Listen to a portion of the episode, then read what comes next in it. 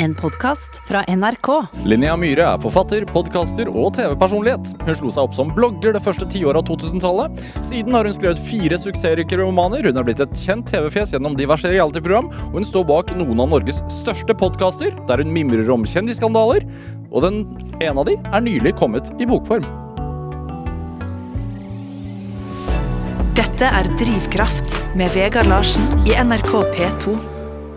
Linnea Myhre, velkommen til Drivkraft. Takk for det. Alt bra? Ja, helt alminnelig, vil jeg si. Litt misfornøyd da du kom hit.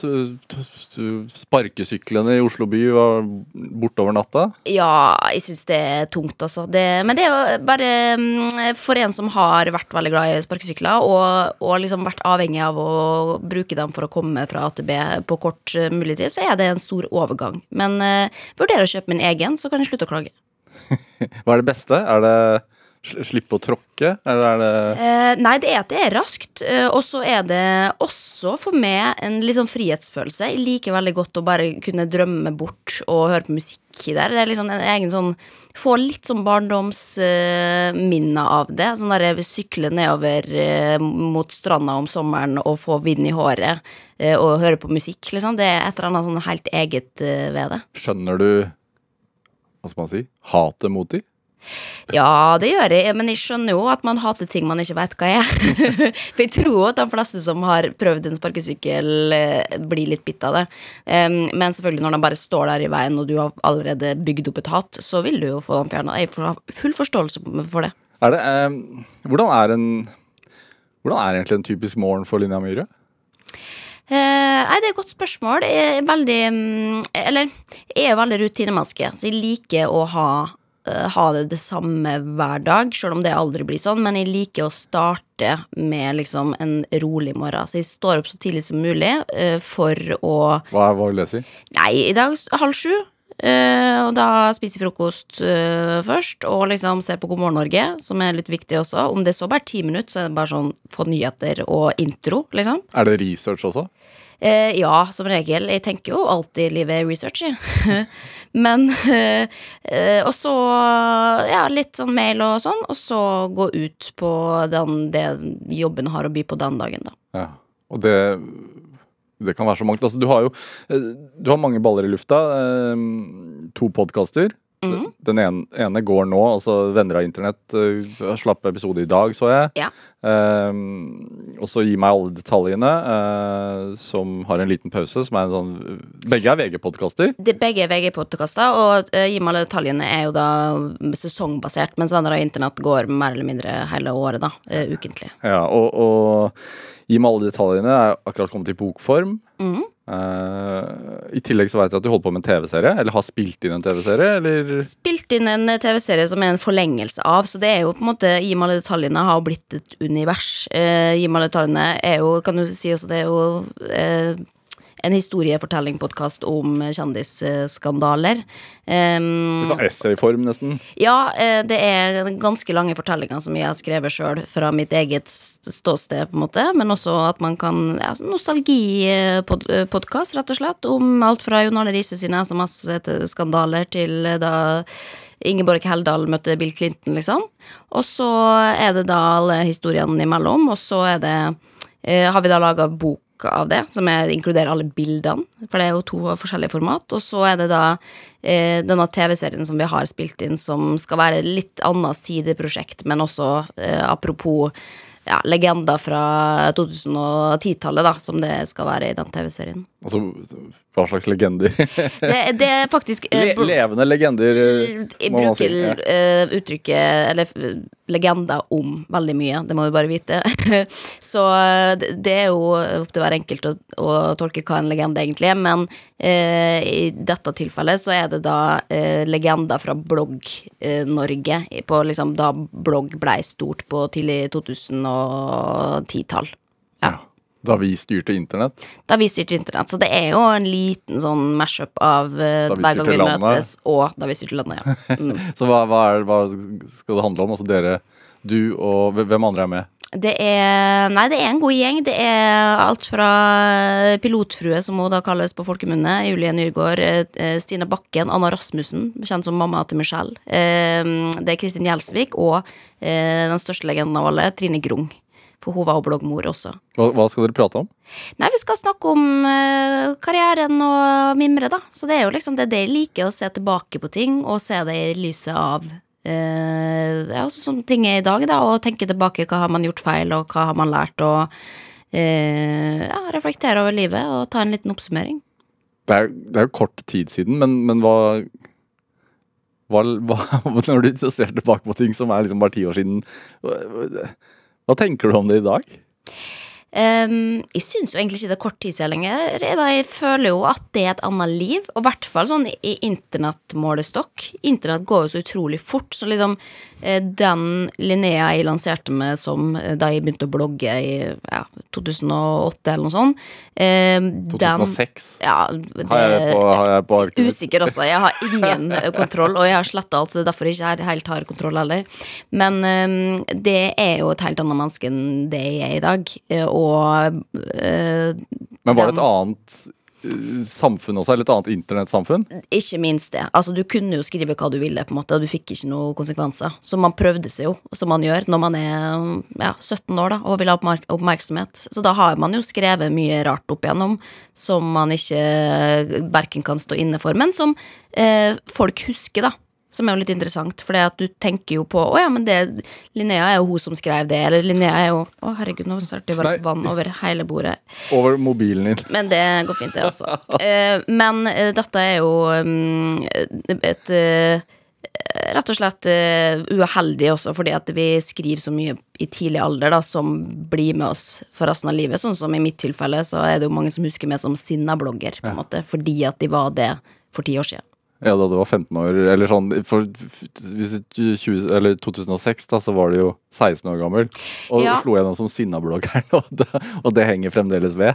De gjør det, og jeg har sikkert bidratt til det. Det er jo- Det er jo ikke det at de liksom er et nytt menneske og noen helt andre. Jeg har jo fortsatt element av, eh, av det, men eh, det er eh, noen ting som jeg kanskje gjerne skulle lagt bak meg.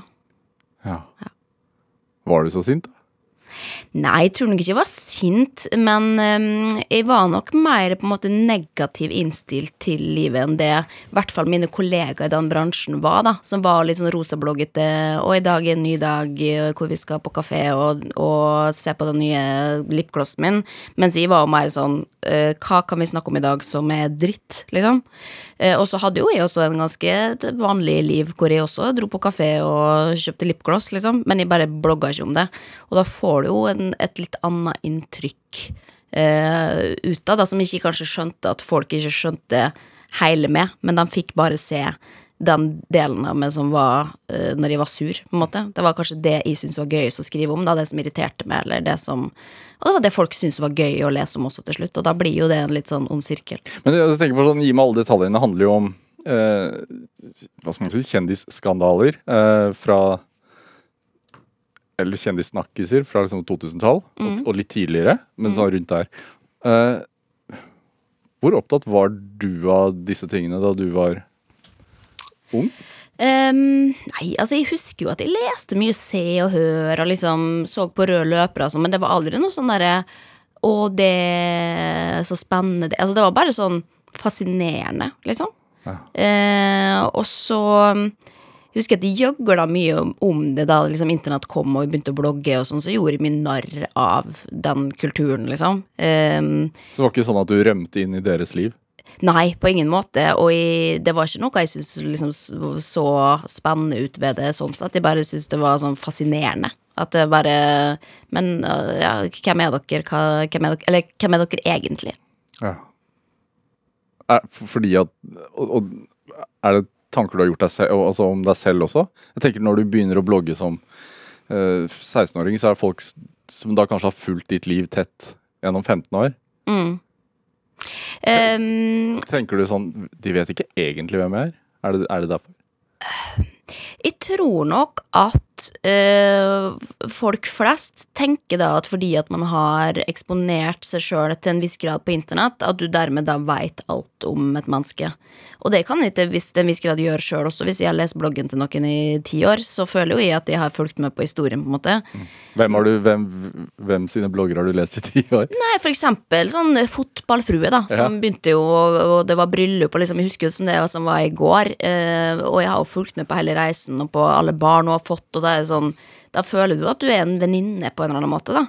Eh, samtidig så kjenner jeg jo egentlig ikke i det hele tatt, og jeg vet jo det også at um, eller, eller jeg bør vite det fordi at jeg deler jo en veldig liten i hvert fall i dag, da, VS hva jeg har gjort tidligere. Før så var jeg jo kanskje litt mer utleverende, eh, var bare mer synlig på internett, liksom. Det har jeg slutta litt med. Hvorfor det?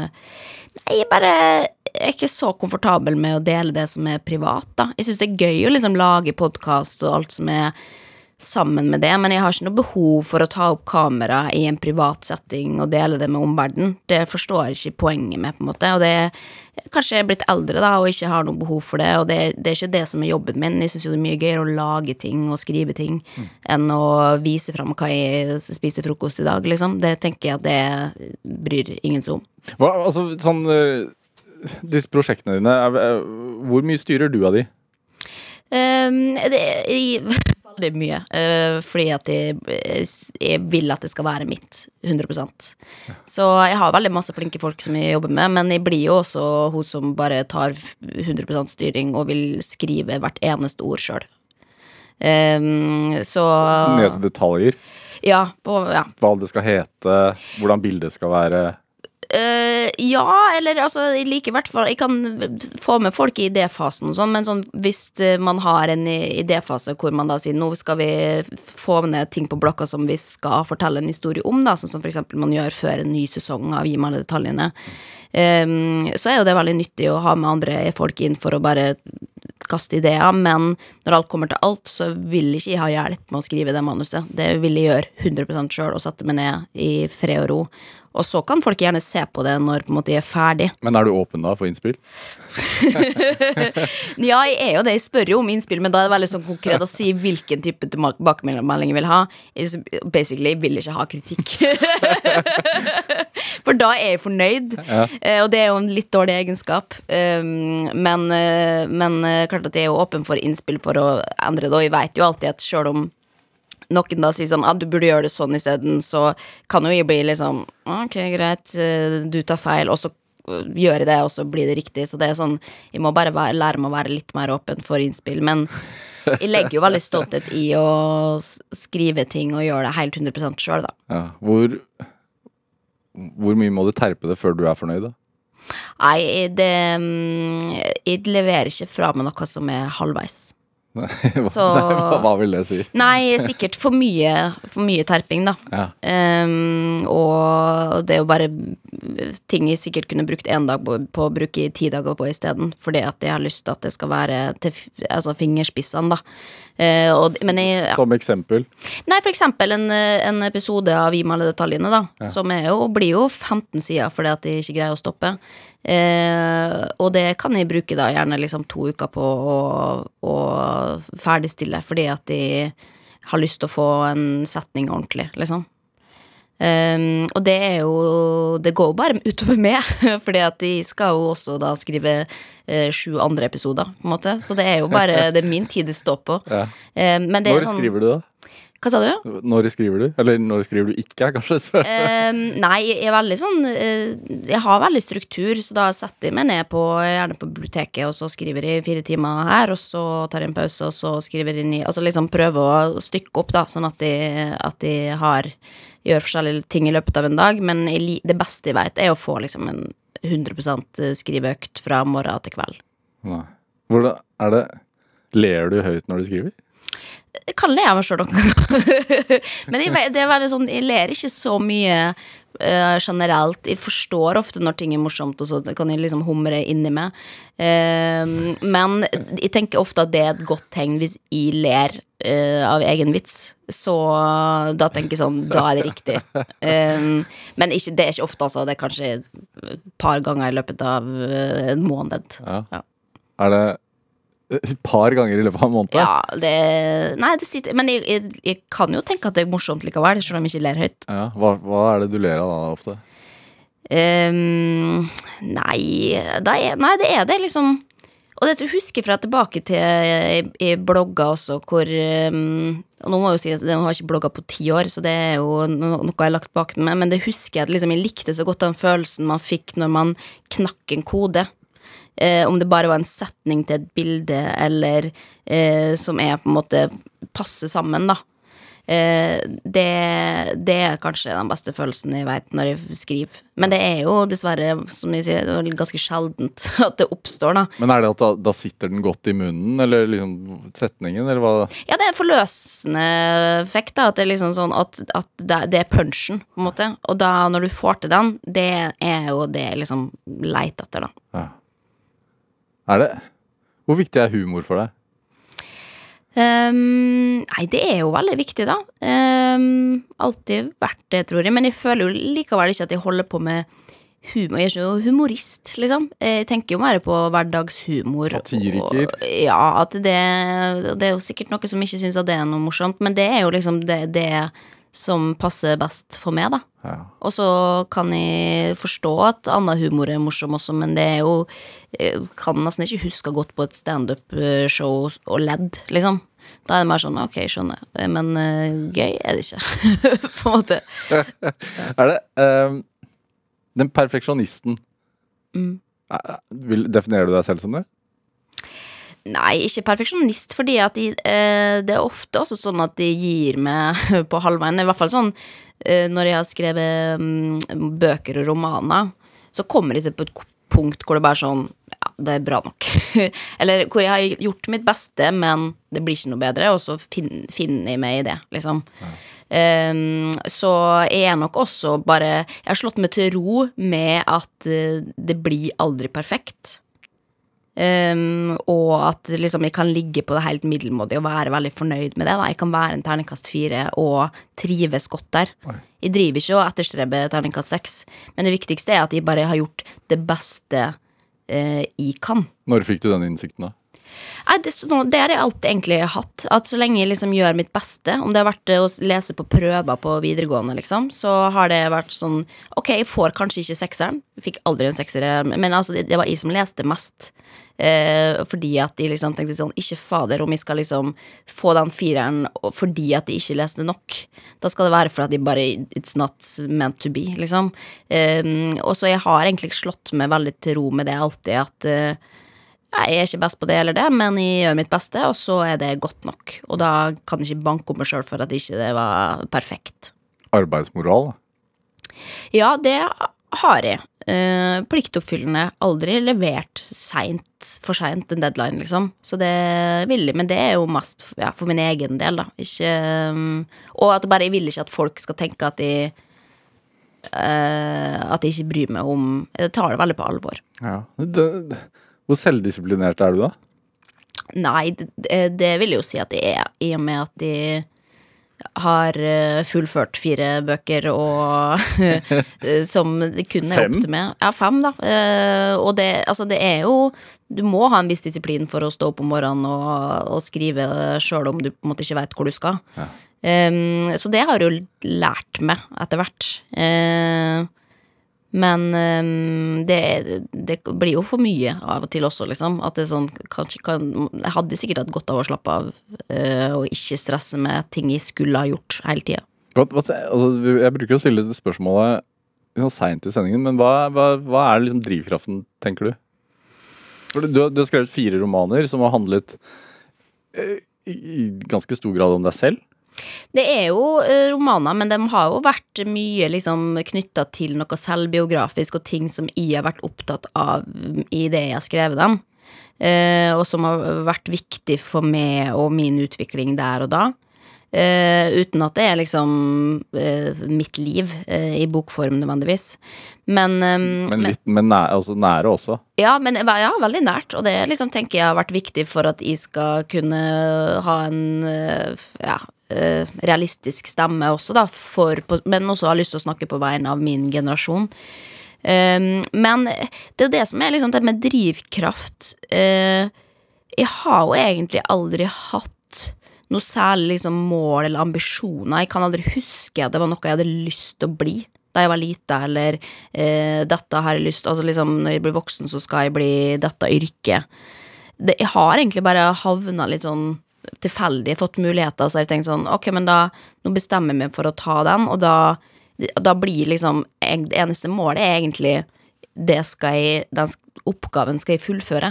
Fordi at jeg leverer ikke noe som er halvveis. Um, så det er liksom det, For meg så er det aldri sånn Å, karriere er ikke liksom det viktigste egentlig for meg. Det viktigste er at de bare liksom eh, tjener til livets opphold, gjør den jobben de blir bedt om å gjøre, eh, men også prøve å utfordre meg. Men jeg tenker jo heller at liksom hvis man da skal snakke drivkraft, så handler det jo bare om at de skal ha det bra, liksom. At de skal trives i jobben min, føle at de blir utfordra, men også at de mentalt er liksom i balanse, da. At det ikke er for mye av det ene eller det andre. Tenker du at folk er for opptatt av å prestere? Ja, ja, det tenker jeg absolutt. Og det kan jo sikkert være til en viss grad sjøl også, men det er jo eh, det blir man jo bare pressa til fordi at det er et press på å nettopp levere jobben din, da. Og da må du jo vise at du Og i hvert fall kanskje i min bransje hvor det er mange om eh, om de samme jobbene, og det kommer hele tida ting som folk som kan erstatte det. Eh, jeg er nok ikke så opptatt av det, og jeg tenker at jeg skal sikkert bytte jobb eh, 20 ganger før jeg skal bli gammel, på en måte. Eh, men eh, Men ja, det jeg har, jeg har lyst til å prestere, men det er jo mest for min egen del, og bare at de skal føle at de uh, er fornøyd med det jeg gjør, da. Du, men du sa noe om at det å bli en stemme for din generasjon. Mm. Har, har det vært liksom eh, noe som har gnagd i bakhodet hele veien? Jeg tror kanskje det at um, Altså, jeg eh, gikk jo fra å blogge, uh, slutta med det i 2011, uh, og da ga jeg ut min første bok som het Evig søndag, og det var jo en bok om En slags dagbok eh, av mitt eh, liv, da, um, basert på, som var et år med, med ganske heftig depresjon og eh, anoreksi, og det blei jo tatt imot på en måte som jeg følte, hvor jeg følte et ganske sånn stort ansvar for å eh, snakke om psykisk helse, og, og særlig liksom den problematikken, fordi at det var så lite snakka om. Så jeg- Spiseforstyrrelser? ja. Så det var veldig mye spørsmål rundt det, og at det var det folk assosierte meg med, og at i og med at det var veldig få andre på det tidspunktet som snakka om det, så følte jeg at da må jeg gjøre det. Mm. Fikk Tabuprisen blant annet for å gjøre det. Ja.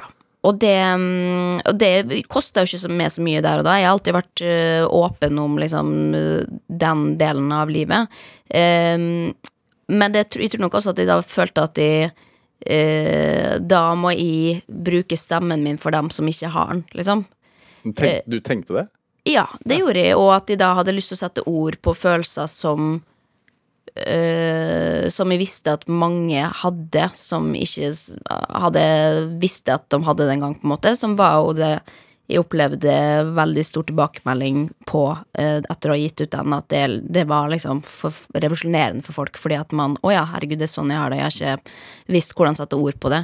Og dette er jo liksom, apropos eh, tid, det føles jo ut som at eh, i dag at herregud, psykisk helse har, har vi jo nesten alltid snakka om, men det Du gikk i front, da, på et vis. Jeg føler kanskje at de åpna, vel var med på å åpne en dør eh, da. Og at det um, kosta jo selvfølgelig en del, men, men det, det var jo også Det blei jo en litt sånn derre eh, Ja, kall det en drivkraft, men at, at liksom Da tar jeg på meg den oppgaven i hvert fall til å føre det videre, og da følte jeg at de måtte sette ord på tilsvarende følelser eh, også i de neste bøkene, da. Så da var det jo veldig sånn målretta at jeg, jeg har lyst til å skrive denne boka for disse som er i denne livssituasjonen, som opplever dette. Em, og da blir en slags, ja, også en stemme for min generasjon. Altså, det er jo ingen som er helt 100% like av en hel generasjon, men at det, det, det var jo et veldig tegn i tida da, med liksom ja, stadig økende tall på psykiske lidelser og Hva kosta det? Du sa at det kosta. Ja, det koster i form av at du, at, eh, du blir et litt sånn ansikt utad for eh, psykisk helse. Og det kan være litt sånn belastende fordi at man har ikke lyst til å være hun psykisk syke. Fordi det skal man jo ikke være resten av livet. Ehm, men samtidig så koster det jo veldig mye mindre for meg enn for veldig mange andre, tror jeg. Fordi jeg syns at det er bedre å snakke om hvordan man har det, enn været ute, liksom. Det syns jeg er helt grusomt med smalltalk i, i forhold. Så jeg har, jeg har nok noen liksom annerledes uh, ja, foretrukne tema, da. Og da kan jeg jo gjerne snakke om det. Men det blei jo også litt mye eh, til slutt, som har gjort at jeg har eh, tatt, gitt stafettpinnen videre til andre som I og med at det nå er mye lettere, eller mange flere som snakker om det, som er, er jo veldig takknemlig, for da kan jeg trekke meg, stille tilbake og, og tenke på andre ting. Da, litt mer friskere samtaler. Men du bør være veldig stolt av det, da. Jeg er synes det- kjempestolt. Ja. Mm. Det står, står jo vanvittig respekt av det, i hvert fall å gjøre det. Altså, jo yngre man gjør det, jo mer Jo modigere er man, tenker jeg. Ja, og jeg tror liksom kanskje at jeg var modigere enn jeg um, enn jeg visste. Ja. Eh, men også bare sånn Jeg var, jeg var jo ikke Jeg kan huske veldig lite fra de årene. eh, hvor jeg var deprimert. Jeg husker at jeg hadde skrevet bok og kom på førsteplass eh, på bestselgerlista, og var, forlaget var i ekstase, og jeg var sånn Ja. Det er stas, det. Sikkert. Også, sånn Men nå jeg, må jeg hjem, til, hjem igjen og legge meg ned og være trist. Altså, det, er sånn det, det er jo um, Det er rart å se tilbake på. Men jeg føler jo at jeg har gjort veldig mange ting på et veldig kort liv, da. Ja. Og jeg er stolt av mesteparten av det. Skal ikke prate veldig mye mer om det, altså, men jeg, hvordan Hvordan merker man den sykdommen? Det, får man noen faresignaler? Ehm, det er jo altså Akkurat anoreksi, spiseforstyrrelser, det er jo veldig mange forskjellige det, Ingen er helt like. Det er noen som spiser for lite, noen som spiser for mye, noen som kaster opp. Og i mitt tilfelle så var det jo at jeg tenkte veldig mye på mat, og det var det er jo sånn du eh, kanskje legger merke til det, at du får et veldig sånn overopptatthet av mat og rutiner og kropp Kontroll? ja, kontroll, og, men via mat, da. Så da er det jo liksom kontrollere porsjoner og vekt og liksom eh, Og når det begynner å ta over livskvaliteten din, da er jo det på en måte Da man sier at det er et problem, da. Hvordan er det i dag, da? Ehm, nei, altså det er jo sammenligna med hva det var for 15 år siden da jeg ble sjuk, så er det jo eh, natt og dag. Men det er jo klart at det er jo med meg i bakhodet hele tida. Uh, bare det jeg sitter og snakker med det her og nå, så kan jeg liksom tenke på hva jeg skal spise om to timer. Og det plager ikke meg, for jeg er vant til å tenke sånn. Jeg kan ikke huske hvordan jeg ikke hadde sånn. Men hvorfor gjør du det? Uh, fordi at bare hjernen kobler sånn, rett og slett. Eh, at det er hele tida at det er et kjør med et kontroll eh, og et, eh, et skjema, på en måte. Så um, jeg, jo, jeg lever jo et helt friskt liv, vil jeg si, men det er jo sånn Jeg syns jo det å eksempel plutselig bli invitert på middag når jeg ikke hadde planlagt det, kan jeg synes er utfordrende. Jeg gjør det, fordi jeg vet at det er bra for meg, og at det er sånne små ting som gjør at jeg i det lange løp kommer til å bli helt frisk. Men er, Har det med middagen å gjøre, eller har det med at du ikke hadde planlagt å møte noen sosialt? Eh, begge deler. At jeg, jeg greier ikke å ja, eh, omstille hvis jeg har lagt en plan eh, som inneholder da på en måte mat. Så det er jo sånn eh, Hvis jeg har en plan om at jeg skal spise den kveldsmaten og se på TV den kvelden, og så plutselig så kommer det noen på besøk eh, uanmeldt, så er det et ganske stort problem for hjernen min. Jeg tar dem jo imot, men jeg jobb, må jobbe hardt, liksom. Og da føler jeg jo at da er det jo fortsatt en del av livskvaliteten min som eh, ja, påvirkes, da. Og da vil det jo si at jeg lider jo fortsatt av det til en viss grad, men eh, eh, jeg går jo i terapi, og, og målet mitt er jo å bli helt frisk fra det, og sakte, men sikkert jobbe seg vekk fra de tankene, da. Men du tenker sånn, altså Du var med Kompani Lauritzen. Kom på andreplass. Um, hvordan var det da for deg som har et sånt kontrollbehov der du ikke har noe kontroll?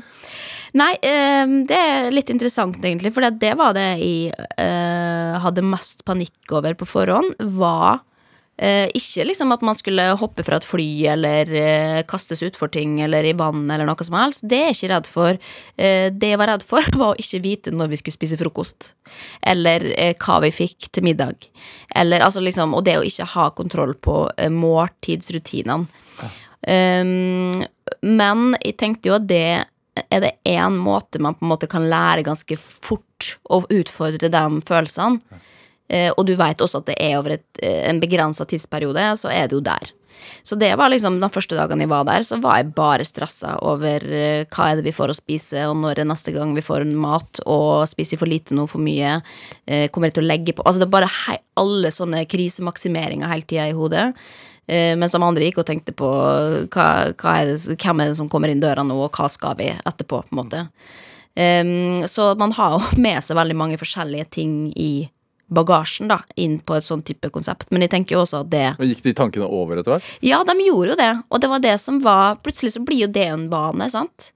Og så um, Så jeg lærte ganske mye om eh, om meg sjøl og den, liksom, hvordan hjernen min tenker der, og hva jeg er redd for, da. Og hvordan at, eller det jeg lærte, er jo at det går bra. Det er, det er ikke verdens undergang hvis jeg ikke får det sånn som jeg hadde planlagt det, eller Um, og i morgen kommer en ny dag, og da kan du gjøre det du hadde lyst til. Altså liksom At det er uh, Ja, det ordner seg. Eh, Linnea Myhre, vi skal spille litt musikk. Ja. Britney Spears. Du er veldig glad i Britney Spears. Ja, det er ikke nok en eh, overraskelse for de fleste som kjenner med det. Altså, det har, hun har fulgt med gjennom hele livet, og min siste roman uh, handla uh, i hovedsak om henne. Hun var en rød tråd i hele boka. Hvorfor det? Nei, jeg har bare alltid vært fascinert. Og så um, uh, var jo hun på en måte den største artisten i verden da jeg var ja, på 90-tallet, da jeg vokste opp. Uh, og hun blei liksom mitt uh, forbilde, da. Så jeg har jo føler at jeg har fulgt henne. Uh, på samme måte som sikkert mange har fulgt sine forbilder på internett, liksom, så føler jeg at vi liksom er litt venner. Jeg har aldri møtt henne. Men det, det, er noe med å liksom Den ene som du følger med på og har lyst til at skal ha det bra. Og Britney har jo laga fantastisk musikk opp igjennom.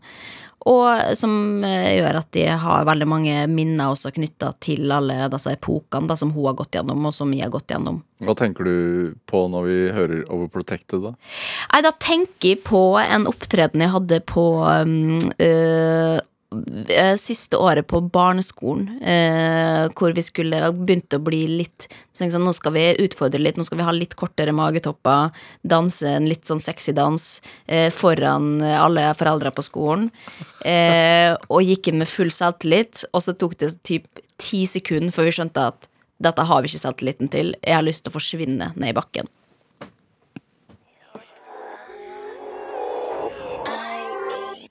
Time, time, love, joy, joy.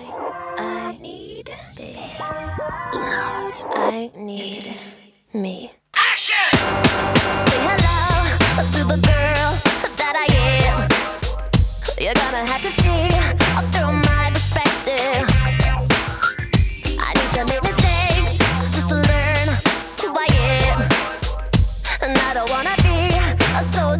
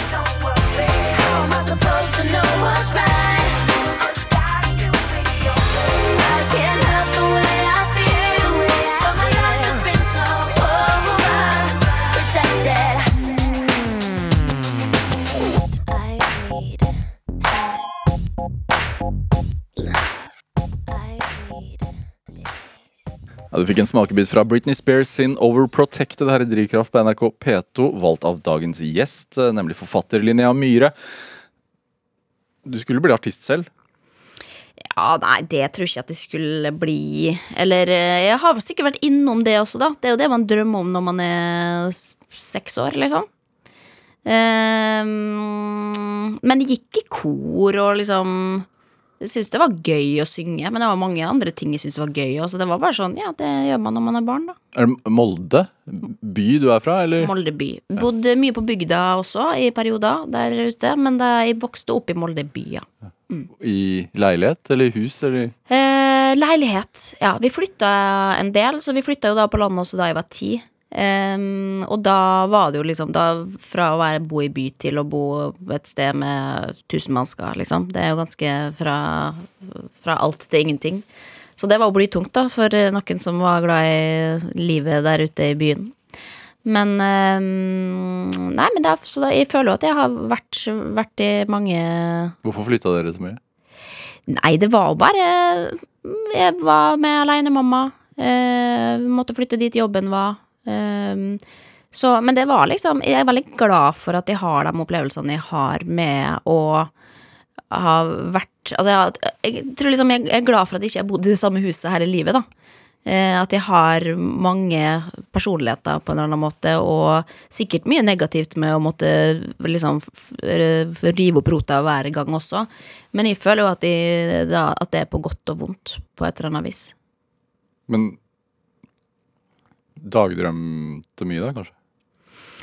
Eh, ja, jeg tror kanskje jeg gjorde Altså, jeg er, jeg er veldig lav på fantasi og sånne type ting. I hvert fall i voksen alder, da. Ja. Eh, jeg har tatt den Big Five-testen og er under 25 på fantasi, liksom. Evner det ikke i det hele tatt. Um, Sier hun som har skrevet fem bøker, holdt jeg på å si. ja, nei, men da ser du hvor mye som er selvbiografisk, da. nei da, men, eh, men, eh, nei, men sånne, sånne ting og bare tankeeksperimenter flyter ut, det syns jeg er ganske Det tror jeg alltid jeg syns har vært ganske kjedelig. Sånn eh, tankeeksperiment, sånn eh, dilemma og sånn, det gidder jeg ikke være med på, for det, det er bortkasta tid, da.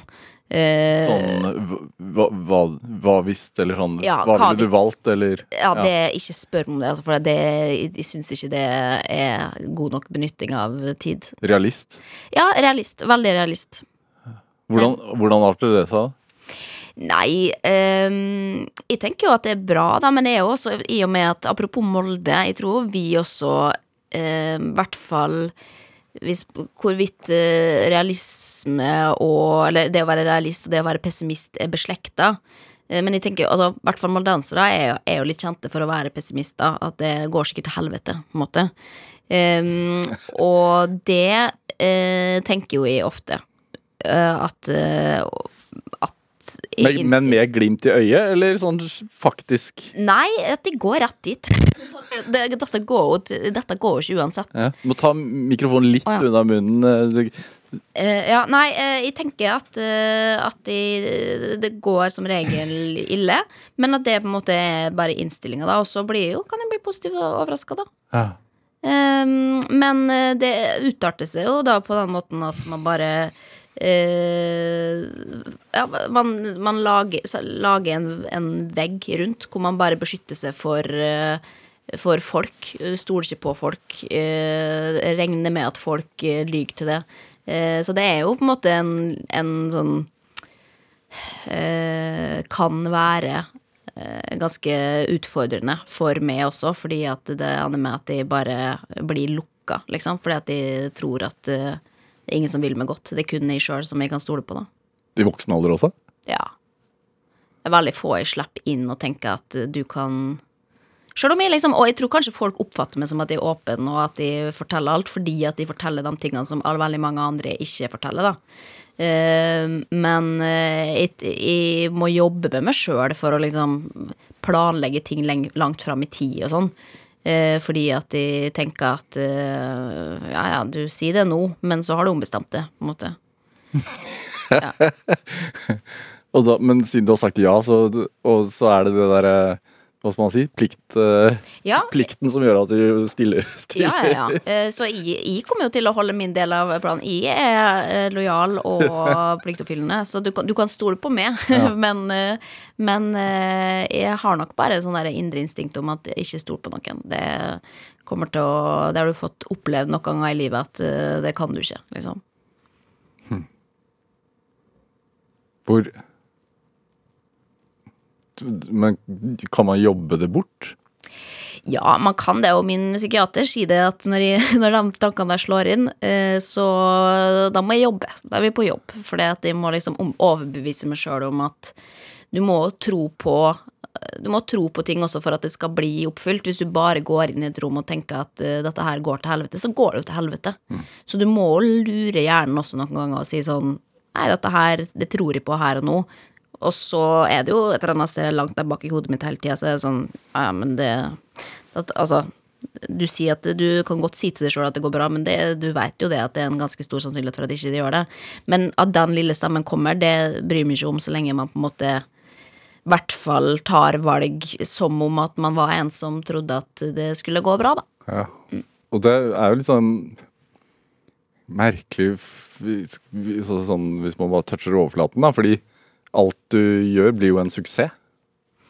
Ja, det vil, det, de lærde vil strides om det. Altså, det er mange ting som jeg har gjort som ikke har blitt uh, suksess også. Uh, men jeg er nok heller ikke så opptatt av det. Det jeg er mest opptatt av, er jo å lage ting som jeg er fornøyd med. Og så er det jo selvfølgelig uh, at, de må, at det må føles verdt det. Det er veldig sjeldent at de eh, lager masse greier og levere, og så blir det ikke noe av. Jeg har ikke lyst til at min tid skal gå til spille. Sånn at de sitter jo ikke og skriver på masse bøker som jeg ikke skal publisere, på en måte, just in case. Um, og det er jo et uh, privilegium også, da, for, for meg, at, de kan, at folk har lyst til å, å jobbe sammen med meg, på en måte, og at de har en jobb å gå til. Um, men uh, i ja, jeg, jeg tar ikke det for gitt, men eh, jeg er veldig sånn bevisst på at de At det viktigste er at er, kvaliteten er god, liksom. Og at de er fornøyd med min egen innsats. Begynne der, rett og slett. Lære seg å bli fornøyd med det man gjør, og så får man se hva, Ja, hva det vil vil ikke, bringe. altså hvis ikke det er scam, da. Hvis du bare liksom lager til Det er mange ting som er en suksess, som ikke nødvendigvis er så bra. Som bare er sånn der at man kommer inn og seiler på en eller annen popularitetsbølge, eller et eller annet sånt. Og det kan man jo selvfølgelig gjøre, og bare liksom kaste seg på. Men det er jo veldig kortsiktig, da. Så når, at, eh, når din blogg blir liksom kåret til årets blogg, så legger du den ned. Ja, rett, rett og slett. Men hvordan Er det fordi Den innstillingen, er det fordi at man har brent seg på på å stole på noen fra før, liksom? Um, ja, man har jo opplevd mange ganger i løpet av livet at uh, man blir skuffa over folk, bare. Ja. I eh, relasjoner og vennskap og altså det at uh, Og arbeidsgivere, at man liksom bare Å ja. For at jeg, jeg tenker at fordi at Eller fordi at jeg kanskje har vært naiv i tidligere liv og tenkt at eh, jeg er jo ærlig, og jeg sier jo det jeg tenker og føler, og jeg mener det jeg sier, jeg går inn i dette med hud og hår, og da antar jeg at du også gjør det samme, og så har det vist seg gang på gang at å ja, nei, det, gjør de jo ikke. Eh, eller folk flest gjør ikke det, liksom. Og da må man jo også bare beskytte seg for det, da. Så man blir jo litt sånn Man blir jo et resultat av mennesker som har skuffa det. Men, altså, det, hvordan er det da liksom når kjærlighetslivet faktisk skrives om i riksmedier? sånn? det må jo være forferdelig. Ja, det er jo en del av på en måte mm, Gamet. Game, men man kan jo velge hvor mye man har lyst å dele i utgangspunktet, da. Men er det lett for deg å liksom tro på kjærligheten? Ja, det er det egentlig. Um, og det har jeg alltid liksom tenkt det, men, men jeg det er jo et ekstra ubehagelig lag ved å skulle dele det med verden at noen skal synes noe om det. Men da, det har jo kanskje lært litt opp gjennom årene også, at uh, det kan man jo litt for sjøl hvis man eksponerer seg mye, da. Så det har jeg jo kanskje lært fra tidligere liv, at uh, at det skal ikke gjøre så mye av igjen, fordi at eh, det, det For det første, det er privat, liksom. Og for det andre så, så kan det koste mer enn det smaker. Er det, du, Leste du mye da du var barn? Um, nei, egentlig ikke. Jeg tror jeg husker den første liksom, ordentlige boka jeg leste, var 'Doppler' av Erlend Loe. Og da var jeg vel tolv eller noe sånt. da Altså Jeg leste jo barnebøker, lesehestebøker og sånn som vi måtte på skolen, men jeg tror nok at jeg ikke likte så godt å lese det bare fordi at det var et liksom press fra skolen sin del. At vi, det var, alt var tvang. Og da blir man jo litt sånn Jeg skal i hvert fall ikke lese. Men så begynte jeg å lese ganske mye da jeg var Trass unge. Ja, jo, men unger unge er trass, faen meg. um, men så så jeg begynte å lese da jeg var, blei 17-18-19. Da begynte jeg å lese litt liksom, ikke tyngre litteratur, men jeg var litt sånn opptatt av at nå skal jeg liksom få unna alle klassikerne som jeg aldri har lest før, da. Og blei litt sånn jålete på det. Um, problemet var at jeg bare var veldig sjuk samtidig, så jeg husker jo ingenting av det jeg har lest. Jeg bare har en bokhylle med masse bøker jeg har lest som jeg ikke kan huske innholdet av. Mm. Så jeg må lese den på nytt på et eller annet tidspunkt. da Men nå har jeg ikke lest en bok på eller jeg leser veldig sjeldent, i hvert fall. Uh, og bare falt ut av det, på en måte, fordi at jeg har hatt så mye annet å gjøre. Så jeg, jeg føler jo at jeg Der har jeg dårlig samvittighet daglig for at jeg ikke leser nok. Men tror du at sånn kunst, altså bøker og film og sånn, tror du det kan være en terapi? Var det derfor du oppsøkte det? Eller? Ja, 100 uh, Det var nok ikke derfor jeg oppsøkte det, men det er jo kunst og Eh, det er jo forska på at det gir det noe, på en måte, eh, mentalt også, at det kan være en form for terapi. Eh, så, så, jeg tenker jo absolutt at det å kunne drømme seg bort og føle at man får nye ja, nye ideer, ny kreativitet, det vekker jo noe i et menneske å få påfyll, da. Har du noen sånne, sånne opplevelser, da? Um, ja, det, da er det jo på en måte de bøkene uh, Altså, da er det jo romaner, stort sett, som det har vært. At jeg har fått aha-opplevelser. Men da, da, er det mest sånn Oi, herregud, går det an å skrive sånn? Eller går det an å fortelle en sånn? Kan man ha en sånn fantasi?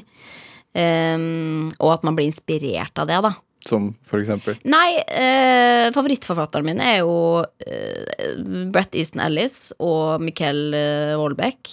Eh, og Erlend Lo. Og de tre som en liksom, sammensurium er det er en, en trioen min, på en måte. Og, og vil jeg si alle, som har, alle har et ganske sånn mørkt, men morsomt syn på samfunnet. Ja.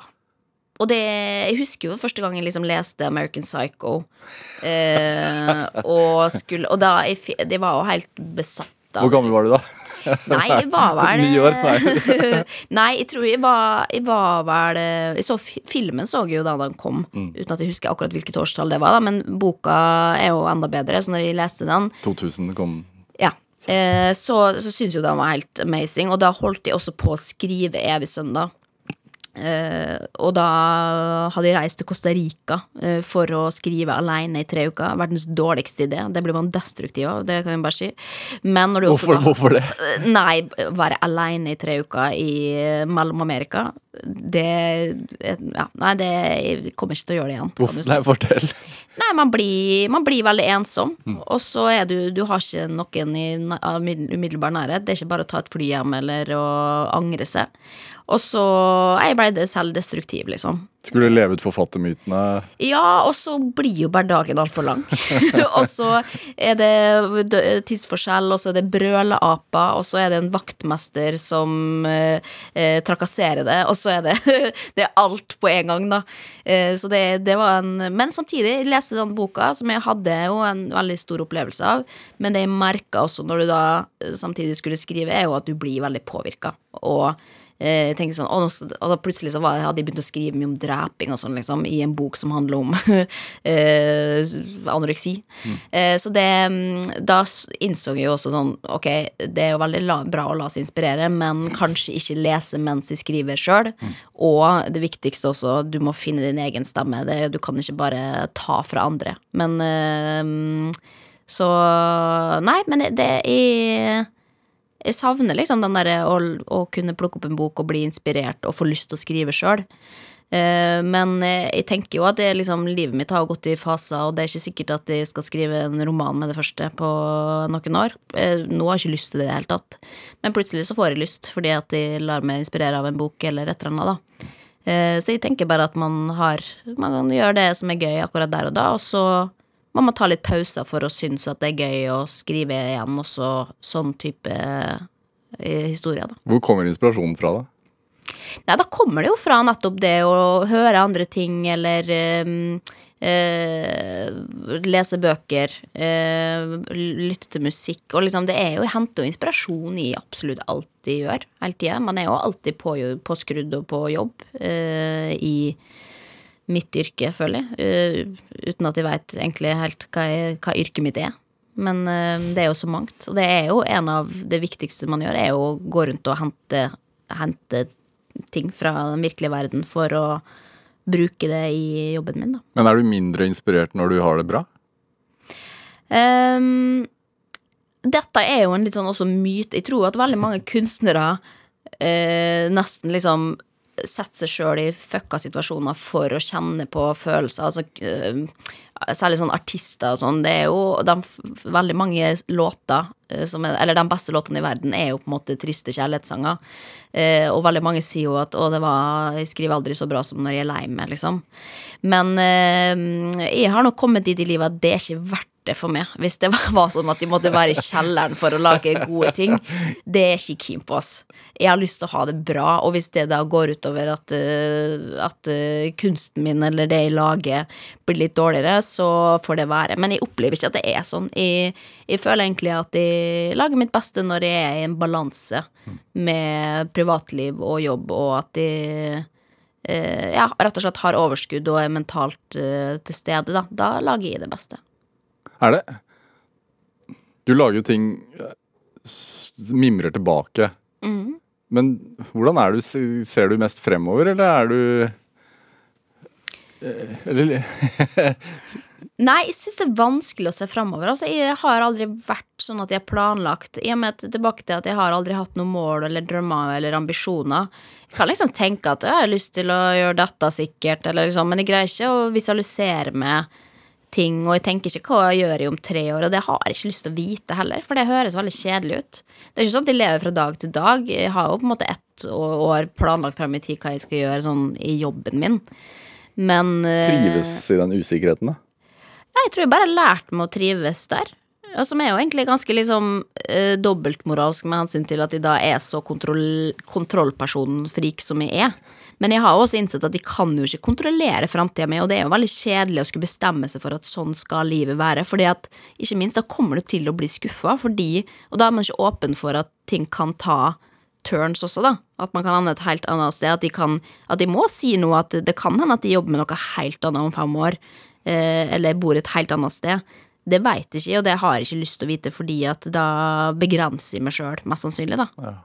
Men du, du tillater deg ikke selv å ha fremtidsmål eller drømmer?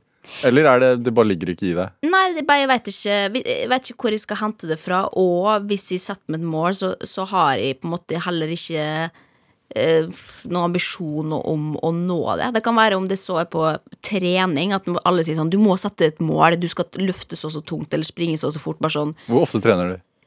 Nei, jeg trener jevnlig annenhver dag, kanskje i snitt, da. Og det gjør jeg jo mest for psyken, på en måte. Jeg gjør det jo for å komme meg ut av eget, eh, egen stue og gjøre noe annet, koble ut hodet, liksom. Og røre på kroppen. Um, VS hva jeg har gjort tidligere, hvor det har vært liksom tvangsprega, da. Eh, så, men, men når det da man sier sånn Ja, du satt et mål, du, nå skal du gjøre det og det. Så sånn, jeg kan gjerne sette med det målet, men jeg kommer ikke til å ville nå det. da er det jo bare for å på en måte Det er det man sier. Så jeg, da gjør jeg jo dette for at jeg trener ikke for å verken enten bli sterkere eller bli raskere eller sånn. Jeg trener for å ha det bra. Og det er liksom eh, Jeg har innfunnet meg med den måten å leve på, da.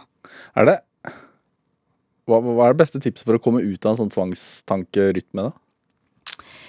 Nei, da er det jo å tvinge seg til å øve på å bryte mønsteret, da.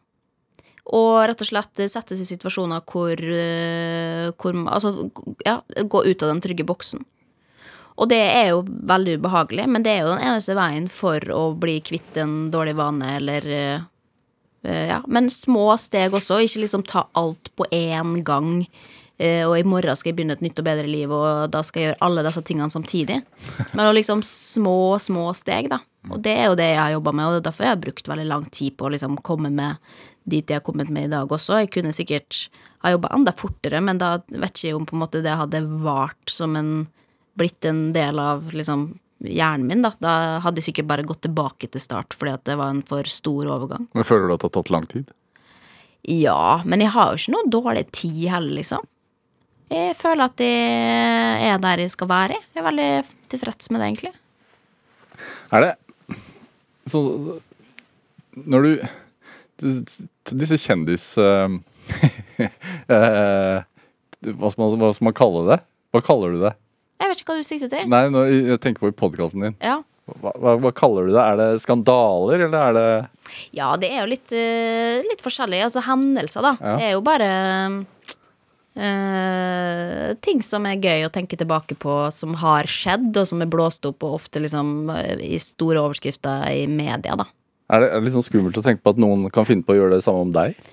Ja, uh, 100% Så jeg er jo veldig bevisst på uh, også det hvordan man, hvordan man Hva man sier og ikke sier. Jeg har jo liksom brent meg tidligere, og jeg var kanskje heldig som var ung på internett da det var mer greit å si ting. I dag så er det jo liksom Du skal være lite det skal bare et lite liksom, feiltrinn til før du er cancelled, basically. Og det er, er man jo livredd for. Hva, er det, hva, cancel, hva mener du? Cancel, altså rett og slett bare si noe dumt som gjør at folk tillegger det og sier at du er et dårlig menneske, ferdig. Eh, og nå eh, boikotter vi det. Og det er jo at, at hele verden snur seg mot det, liksom. I Norge så er det jo begrensa hvor massivt det kan bli, kanskje, men, men jeg, jeg liker jo ikke å liksom mene så hardt eller sånn. Jeg har ikke noe behov for å bli hørt eller sett sånn, egentlig. Um, så, så det skal, skal nok ganske mye til for at det skal komme sånn type overskrifter. Det er fordi at noen har ønsket å felle meg i tilfelle, da, og det, det må de jo gjerne gjøre, men det Jeg kommer ikke til å legge opp til det sjøl, på en måte. Var det deilig å liksom slette den bloggen? Ja, veldig. Det, fordi at du, det, du blir konfrontert med så mye fra, fra tidligere liv som man eh, ja, eh, ikke står for lenger. Og det å bare slette det fra internettets overflate, veldig deilig. Linnea Myhre, tusen takk for at du kom hit til Drivkraft. Takk for meg. Produsent i dag det var eh, Tobias Brynildsbakken Huse. Julia Martincic gjorde research. Eh, Anne Sofie Stang bidro også sterkt til denne sendingen. Følg oss gjerne på Instagram på NRK Drivkraft. Der har du en bildeoversikt over alle som har vært gjest i dette programmet. Jeg heter Vegard Larsen. Vi høres. Du har hørt en podkast fra NRK. Hør flere podkaster og din NRK-kanal i appen NRK Radio.